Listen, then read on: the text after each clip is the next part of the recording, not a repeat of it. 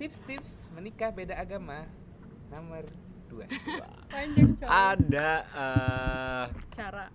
hukum kanonik di gereja Katolik itu ya memang membolehkan perbedaan agama itu menikah secara Katolik. Tapi bukan berarti si yang beda agama ini akan harus masuk Katolik. No, sama sekali tidak. Ini balik ke penafsiran Al-Qur'an sih sebenarnya. Wah, Gue sebatang dulu.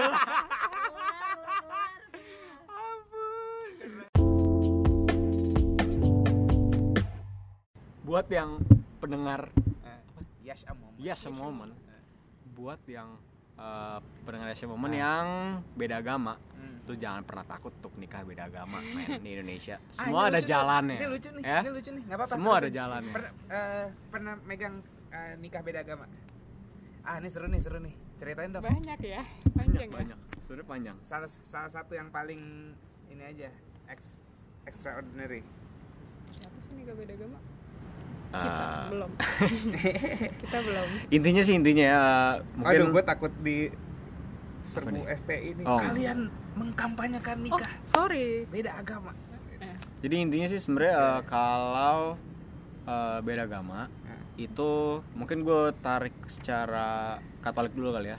Dia Katolik, Katolik, gua Katolik dia anyway. Katolik, Ah. gue Muslim. Ah, Kita oke. Muslim. Kalau secara Katolik itu memang ada di Tips-tips nikah beda agama. Gua demen banget nih. Gua demen banget, gua demen banget. Panjang coy. ada eh, Cara. hukum kanonik di gereja Katolik itu ya memang membolehkan perbedaan agama itu menikah secara Katolik. Tapi bukan berarti si yang beda agama ini akan harus masuk Katolik. No, sama sekali tidak.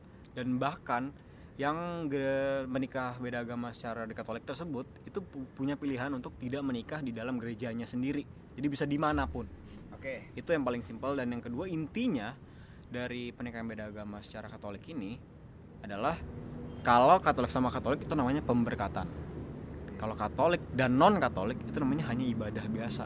Jadi ada beberapa poin yang biasanya memang Katolik dan Katolik lakukan itu di skip sama eh, gereja Katolik. Jadi untuk yang memang kebetulan punya pasangannya Katolik itu silahkan cek ke gereja-gereja terdekat atau gereja paroki kalian sendiri. Kalian minta aja eh, hukum kanonik di gereja tersebut pasti akan ada dan pasti tanyain aja. Itu semuanya sudah ter apa tertulis di hukum tersebut kalau untuk secara muslim nah ini Secara Muslim jangan Oh sedih, God, jangan sedih. Aduh, mati gue. Mati gue. Sorry, Mati tapi gue, mati bisa gue. Iya, iya, oke, oke, oke. Bisa gi- gimana gimana? Tunggu. Tips-tips menikah beda agama nomor 2. Oke, kalau secara Muslim, Oke. secara Muslim bisa dilakukan. Oke. Se- Sah. Eh, Jadi em, mungkin memang yang kebanyakan orang tahu Tunggu, tunggu. Sebelum aku nanti mungkin ditombak sama FPI, FPI. eh, Oke. Tiba-tiba gue modal. Oke, silakan lanjut. Gimana gimana? em, ya mungkin ada kontroversial memang tentang pernikahan beda agama. Memang ada aliran-aliran di Islam yang eh, beda-beda kan gitu. Nah, ini balik ke penafsiran Al-Qur'an sih sebenarnya. Wah. gue sebatang dulu. Ampun. gerai. Oke, oke. Which is KPI lo semua. which is maksudnya ya penafsiran Al-Quran itu memang eh, nggak gampang dan nggak mudah dan nggak bisa sembarang orang ya kan Dingin, tiba-tiba dingin. Terus terus terus. gitu jadi kayak em, ada Gak mau memang. masuk frame lo ya, ini sensitif gini ya. jadi. Tahu-tahu ada bapak emak gua nonton gitu.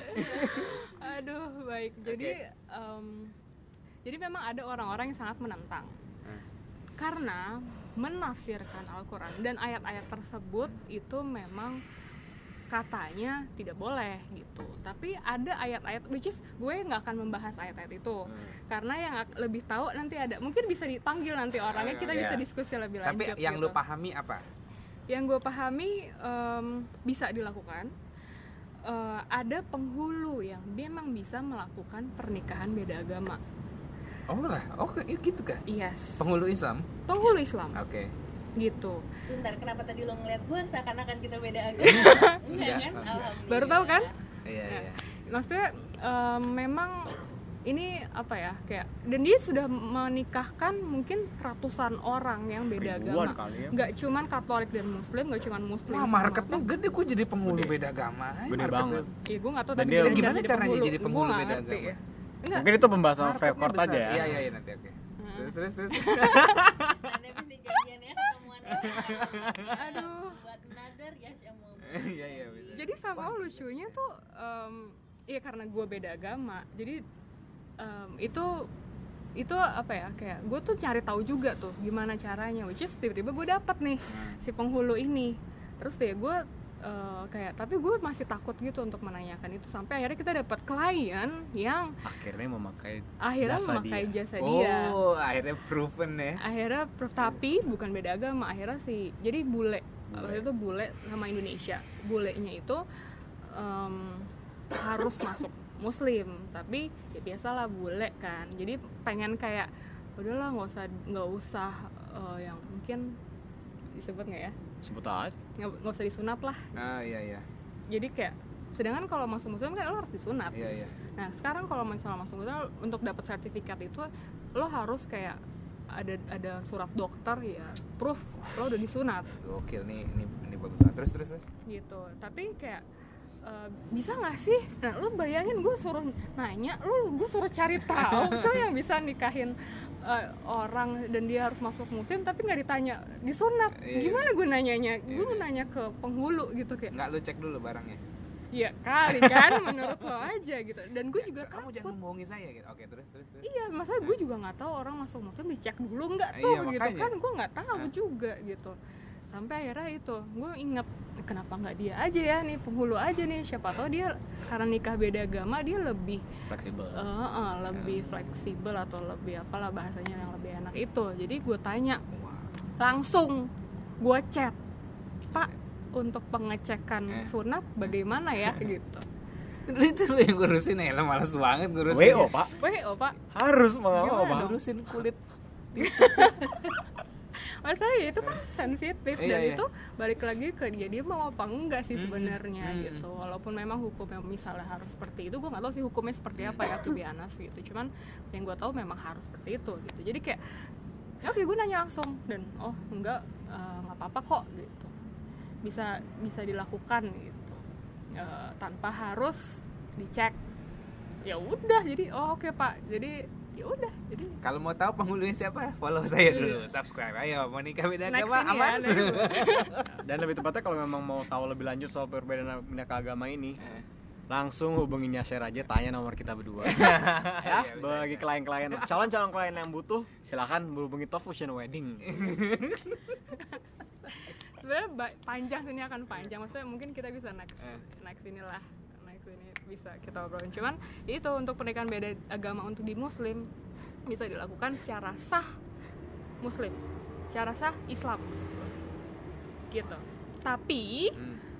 tidak pada KUA Ah, oke. Sirih kayak sirih gitu ya.